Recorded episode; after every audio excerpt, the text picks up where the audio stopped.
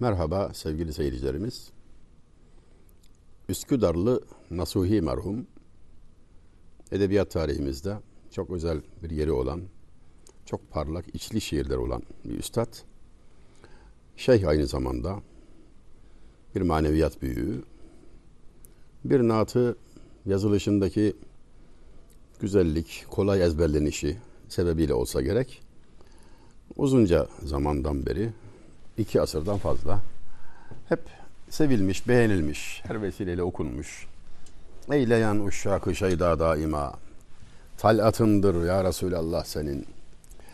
Derdile ahettiren subhu mesa, hasretindir ya Resulallah senin. Merhamet kıl ben garip avareye, mücrimem rahmeyle yüzü kareye. Şefkat etmek bir kesü bir çareye, adetindir ya Resulallah senin. Ruzu şebkarım benim efkan eden, Narı hasretle dilim suzan eden, Dembeden bu gözlerim giryan eden, Firkatindir ya Resulallah senin. Asfiyanın gördüğü lütfi huda, Evliyanın sürdüğü zevku safa, Enbiyanın gördüğü rifat şeha, devletindir ya Resulallah senin. Ey şefi'ül müznibin nuri ehad, bir garibindir nasuhi kılma red. Babı lütfundan kerem kıl etme red. Ümmetindir ya Resulallah senin. Gerçekten çok kolay ezberlenir, çok kolay okunur bir eda ile kaleme alınmış olmalı ki okunurken siz de fark ettiniz. Kısa kısa belki izah etmek yararlı olacaktır. Eyleyen uşşakı şey da daima talatındır ya Resulallah senin. İlk iki mısra uşşak aşıklar demektir. Şeyda Bülbül-i şeyda tabirini duymuşsunuzdur. Aşık-ı şeyda, bülbül-i şeyda, aşıklar için bir çılgınlık halinin ifadesidir. Yani başka türlü çılgın denilecek kişiye şeyda denmez pek ama aşık-ı şeyda, çılgın aşık, bülbül-ü şeyda, çılgın bülbül şeklinde sıkça kullanılır. Aşıkları çılgına çeviren talatındır ya Resulallah senin. Talat göreni meftun eden güzellik manasında. Derd ile ahettiren subhu mesa, sabah akşam derd ile ahettiren de hasretindir ya Resulallah senin. Aşıklar senin hasretinle gece gündüz ah ederler. Merhamet kıl ben garip avareye, mücrimem rahmeyle yüzü kareye, şefkat etmek bir kesü bir çareye adetindir ya Resulallah senin. Ben zavallı kimsesiz avare ümmetine, benceyize merhamet kıl. Acı, şefkat et bana. Mücrimim yani günahkarım, mücrimem rahmeyle yüzü kareye. Merhametle bak yüzü kara olan bana şefaat et suçlu olduğum için zor durumdayım. Şefaate, şefkate muhtacım. Şefkat etmek bir kesü bir çareye, kimsesiz olan ve çaresiz olanlara şefkat etmek ise adetindir ya Resulallah senin. Senin adetindir, ahlakındır. Benden hata, senden af merhamet diyerek şefaat istemekte, talep etmektedir.''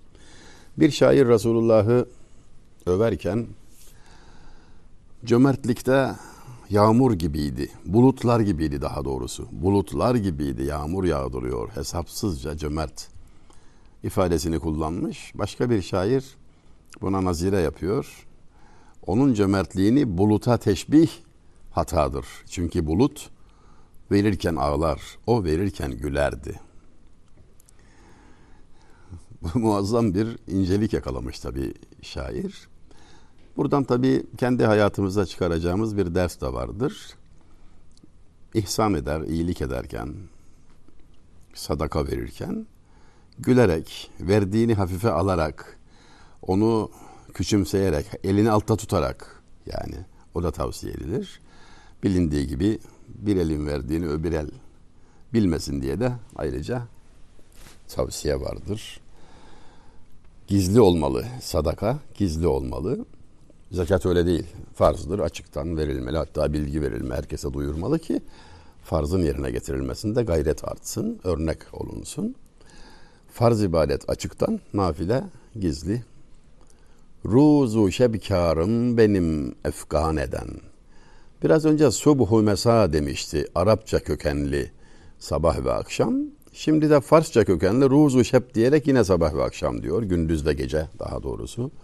Ruzu şebkarım benim efkan eden. Gündüz ve gece bütün işim ağlamak oldu. İşte bunu yapan, beni ağlatan. Nar hasretle dilim suzan eden, hasret ateşiyle gönlümü yakan, dem bedem bu gözlerim giryan eden, devamlı, aralıksız beni ağlatan, firkatindir ya Resulallah senin, ayrılığındır. Senden ayrı olmanın ızdırabıyla gecem gündüzüm hasretle geçiyor, gönlüm ateşler gibi yanıyor ve gözlerim devamlı ağlıyor. Asfiyanın gördüğü lütfu ata, safa sahiplerinin, bahtiyar kimselerin, mutlu kimselerin, asfiyanın gördüğü zevku safa, yani onların yaşadıkları mutluluk, lütfu huda, Allahu Teala'nın ihsanı olan nimetler, evliyanın sürdüğü zevku safa, evliyanın yaşadığı lezzetler, Enbiyanın bulduğu rifat şeha. Ey şahım diyor peygamberlerin bulduğu yükseklik dahi asfiyanın, evliyanın, enbiyanın hepsinin kazançları devletindir ya Resulallah senin. Reis sensin. Bütün bunların ait olduğu, bu şereflerin, yüksekliklerin, kemallerin ait olduğu Zat-ı Şerif sensin. Peygamberler senin bereketinle o devlete kavuştular. Hepsi senin devletindir ya Resulallah. Dedikten sonra son kıtada Ey şefi'ul müznibin nuri ehad Allah'ın nuru, Allah'ın yarattığı uğruna, sebebiyle, şerefine her şey yarattığı nuru ehad, Allah'ın nuru olan şefi'ul müznibin günahkarların şefaatçisi olan diyerek yine Resulullah'a hitap ediyor. Ey şefi'ül müznibin nuri ehad bir garibindir nasuhi kul medet. Şairimiz Nasuhi dedik ya Üsküdarlı Nasuhi. Nasuhi senin bir garibindir, kimsesiz bir kölendir. Kıl medet, yardım et ona, medet kıl. Yardım imdad eyle. Babı lütfundan kerem kıl, etme red. Lütuf kapından Kerem göster de red etme. Beni kapı dışarı etme. Ümmetindir ya Resulallah senin. Gayet latif bir şekilde şereflerin en büyüğüyle müşerref olduğunun ikrarıyla sana ümmet olma şerefi ne sahibim çok şükür. Ben senin ümmetinim. Babu lütfundan kerem kıl etme red. 1897 yılında 20 yaşında Mevlevi hanede çiledeyken Tahirül Mevlevi Tahir Olgun merhum şair Nabi'nin bir şiirine bir tesdis yapar. Mevlevi çilesi bin gündür. Yani bin gün süreyle orada özel görevlerle mutfakta, bahçede, dergahın her yerinde her şekilde zikir, fikir, ilim tahsili, temizlik, ortalığı derleyip toplama dahil bin günlük bir süreçtir. Yani bir tekamül kursu gibi bir şey bu. Başarıyla bitirdiğinde dede sıfatına haiz olur. Mevlevilerde dede denilir. Çileyi doldurana. O günler tabii 3 yıl 3 yıla yakın bir süre oluyor bu. İçeride okuma yazma, çok artıyor tabii. Şairler döktürüyorlar kabiliyeti olanlar. Tahirül Mevlevi bunlardan biri. Dediğim gibi yaşı 19-20. 1897'de bir mektubu gönderiyor Ahmet Remzi Akyürek merhuma. Ahmet Remzi Akyürek de Tahirül Mevlevi'den 5 yaş büyük. Vefatı da kendisinden 7 yıl önce 1944. Yaş hasebiyle ayrıca bilgisi, mertebesi yüksek olmak hasebiyle fevkalade saygılı üstad kabul ediyor Ahmet Remzi Akyürek merhumu. Ve ona bir arzda bulunuyor. Bu mektup işte o arzdır, arzı haldir.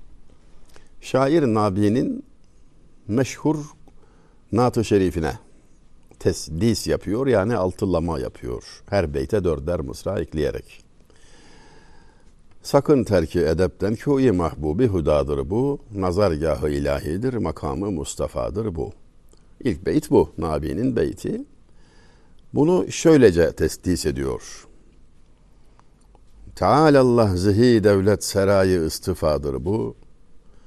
Güzide cayı aramı nebiyyi müctebadır bu. Eğer ki sathı arz üzre veli fevkal aladır bu. Dahile kûyi aczol kim melazı ilticadır bu. Sakın terki edepten kûyi mahbubi hudadır bu. Nazargahı ilahidir, makamı Mustafa'dır bu. Şiirin geri kalanına girmeden önce ilk beyte dört mısra eklenerek altı kıtadan oluşan bu kıtayı bir anlamaya çalışalım. Böylelikle birçok belki şifreleri çözme imkanı bulacağız. Atilla İlhan'ın şöyle bir söz söylediği rivayet edilir. Diyor ki Osmanlıca zorunlu ders olarak okutulmalı çünkü Türkçedir. Osmanlı Türkçesi Türkçedir. Zorunlu ders olarak okutulmalı mekteplerde.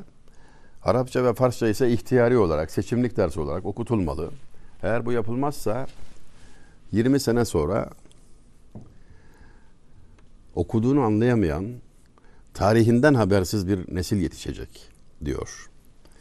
19 2004'te yani 18 yıl olmuş.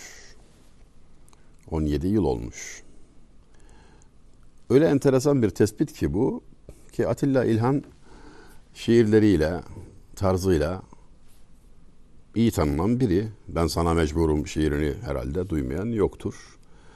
Divan edebiyatının ders olarak okutulmayacağı yönünde bir eğilim baş gösterince 90'lı yıllarda oldu o. Ben o zaman haberdar oldum. Dehşetle itiraz etmişti. Böyle bir birikimi göz ardı edip yerine ne koyacaksınız demişti. Yani tarihi tecrübeyi yok ederek bir yere varamazsınız. Halbuki kendi tarzı o değil, divan şairi değil, başka türlü serbest, üstelik çok muazzam bir şair olmakla beraber üslubu farklı. Fakat bu birikimden haberdar olmamayı hiç doğru bulmuyor. Şimdi sanki o noktadayız. Teşhis doğrulanmış gibi duruyor.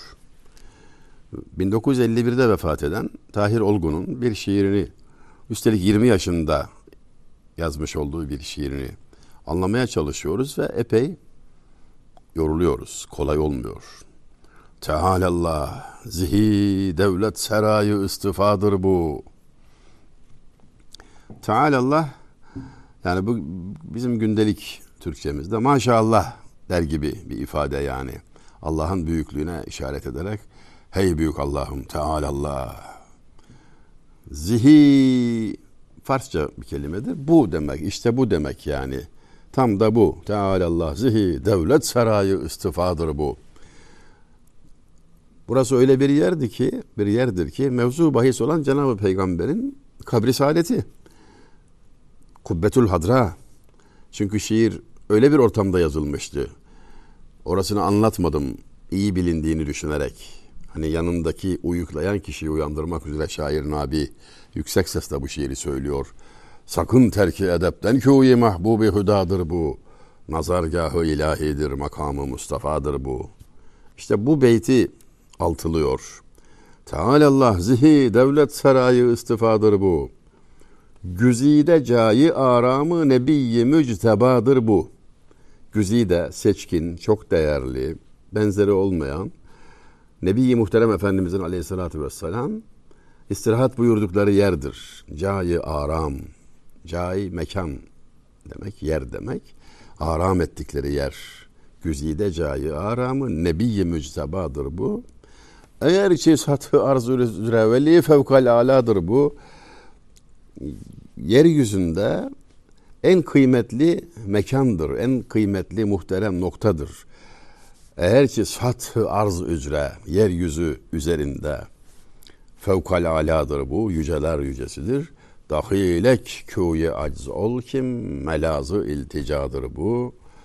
Dahilek bugünlerde kullanmadığımız bir sığınma, bir e, iltica etme, aman deme ifadesidir. Aman dileme ifadesidir. Dahilek kûye acz ol kim, Acz içinde burada sığın. Dahile kûye acz ol kim? Melazu ilticadır bu. Sığınılacak yerdir, limandır bu. İzzet Molla merhum, Keçecizade İzzet Molla merhum. Bu limana sığın diyor. Çekinme, utanma diyor. O keştigahı isyana ne müflisler yanaşmıştır.'' Yani bu limana diyor sığınırken Mevleviliği, Hazreti Mevlana'yı, Mevlana dergahını, Mevleviliğe intisabı kastederek söylüyor. Buraya sığınırken sıkılma diyor yani. Utanma, utanma benderim on la yagir izzet nasib iste. Utan, bender liman demek. Utanma benderim on la yagit izzet nasib iste. Bu keştigahı isyana ne müflisler yanaşmıştır. Hazreti Mevlana'nın limanına utanmadan gir gemini oraya götür, sığın, iltica et. Bu keştegâhi isyana yani bu isyan gemilerinin, teknelerinin sığındığı bu limana ne müflisler yanaşmıştır. Tabi o da enteresan bir yaklaşım. Bir defasında anlatılır ki Necip Fazıl Kısakürek merhum en günahkar, en isyankar olduğu yönünde bir cümle kullanır. Abdülhakim Arvasi huzurunda en günahkar benim, en suçlu benim gibi. Buradaki en ifadesinde nefsaniyet sezen Abdülhakim Efendi Necip o sahada da seni geçen çok demiştir. Yani illa birinci olacak takvada olmazsa e, günahta ama buna da müsaade etmiyor. Nitekim e, onun irşadıyla yazdığı yazdıklarını o yüzden çok dokunaklı, esaslı, kalıcı Necip Fazıl küfre düşmez demişti mesela. E, ona muazzam bir efendim karine, muazzam bir e, bon servis, diploma yani küfre düşmez diyor daha ne desin? En, en muazzam şey söyleniyor hakkında. Çile şiirinde de diz çök önümde ey ulu gökler diz çök. Heybem hayat dolu deste ve yumak. Sen bütün dalların birleştiği kök biricik meselem sonsuza varmak demişti de Abdülhakim Efendi orayı da düzeltmişti. Nefsine diz çöktür diyerek. Diz çök önümde ey zorlu nefs, diz çök. Heybem hayat dolu deste ve yumak. Sen bütün dalların birleştiği kök. Biricik meselem sonsuza varmak diye düzelmişti. Son hali budur. Şair Nabi merhumun sakın terki edepten kûyi mahbubi hudadır bu. Nazargahı ilahidir makamı Mustafa'dır bu. Dedik ama hep Nabi merhumun ne dediğini söylemedik. Edebe uymamaktan sakın. Ee, Cenab-ı Peygamber'in mekanına geldin. Sakın terki edepten. Kûyi mahbubi huda. Allahu Teala'nın sevgilisinin mahallesi, köyü, köyü, yeri, semti, şehri bu kabristan. Öyle bir yere geldin yani kabri saadet.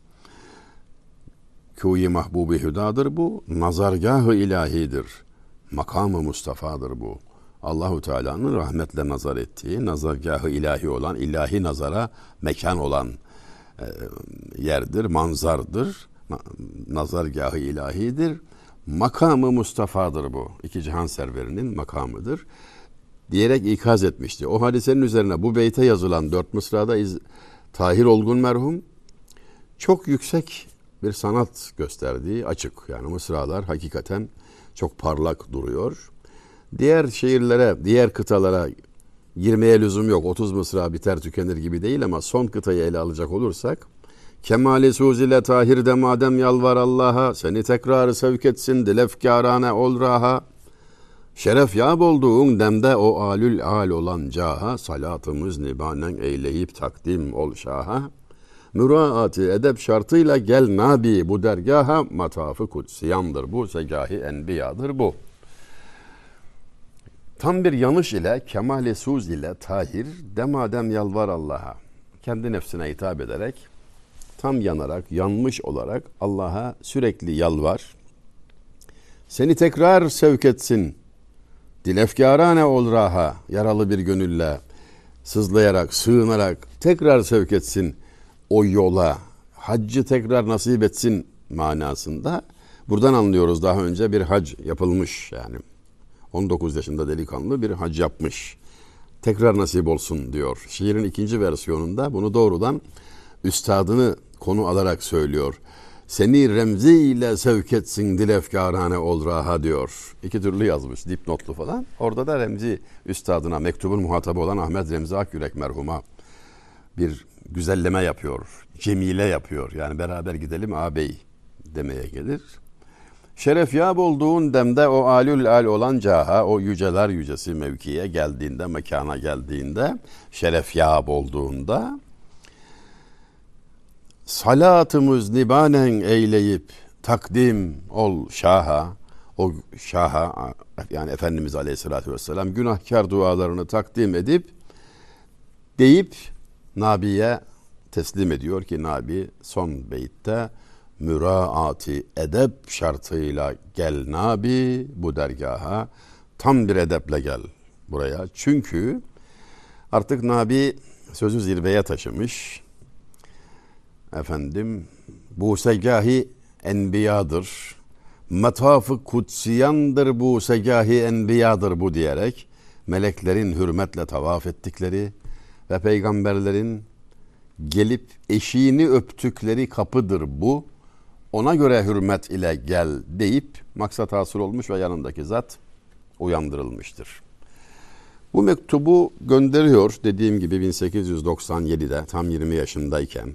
Tarihli olduğu için tereddüte mahal yok. Aynı mektupta Fuzuli'nin su kasidesine de bir nazire var.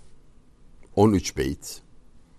Su kasidesi 1555'te vefat eden Fuzuli'ye ait edebiyatımızın bir serlevhası, muazzam bir eser, şaheser. Ve buna nazire yapan bir delikanlı. 20. yüzyılda, neredeyse 20. yüzyıl yani 1897. Kirpiğinde jaleveş bir katre gördüm galiba. Vermek istersen yine gaddareyi gaddare su. Bir beyti bu mesela. Kirpiğinde titreyen küçücük bir damla gördüm. O kadar çarpıcı, yürek parçalayıcı ki bu su, o gözyaşı, bu su yani herhangi bir çeliğe verilirse, malum çelik demire su verilerek yapılıyor. Çeliğe su olarak verilirse artık o kılıcın karşısında dayanabilen ordu olmaz manasında. Kirpiğinde jaleveş bir katre gördüm galiba. Vermek istersen yine katr, vermek istersen yine gaddare-i gaddare su. Kullandığı kelimeler gerçekten çok enteresan. Gaddar bildiğimiz kelime acımasız merhametsiz demek ama gaddare bir bıçağın ismidir. Hançerdir yani şöyle 30-40 santim uzunluğunda. Gaddare-i gaddar acımasız hançere su verecek. O gözyaşı damlası gibi muazzam şairane bir ifade kullanıyor. Aynı natın bir beytinde de bir taşın yanında payı yari busetmiş meğer su be su her sengi takbil eyliyor avare su. Orijinalinden daha parlak duran, Fuzuli'nin beytinden daha gösterişli duran şu beytte de bir taşın yanında mübarek ayağını öptü Resulullah'ın su ve o sarhoşlukla başını taşlara vurarak Medine'ye doğru akıyor demekte bulunuyor ki hakikaten yani artık söz zirvededir. Fakat dikkat çeken husus şu. Bu mektubun altına yazdığı notta diyor ki Nabi'nin meşhur natına bir testis, Fuzuli'nin su kasidesine de bir nazirecik yazmaya cüret ettikse de pek sudan bir şey oldu. Üstadım lütfen tetkik buyurun diyor. Övünmek şöyle dursun. Yani biz böyle bir iş yaptık falan görülsün falan takdir edilsin edası şöyle dursun. Sudan bir şey oldu diyerek utana sıkıla e, arz ediyor. Yaptığı işten utanmak, mahcup olmak, aczini ikrar ile huzura çıkmak ne kadar özlediğimiz hasletler. Yani fazla mı övünüyoruz? kendimizi fazla mı önemsiyoruz diye düşünmeden insan edemiyor. Kendini hafife al, işini ciddiye denilir ki doğrudur. Galiba bizler genellikle işimizi hafife alıp kendimizi ciddiye alarak e, büyük bir yanlışın içinde bulunuyoruz. Gözden geçirmekte fayda var. Tekrar görüşmek dileğiyle.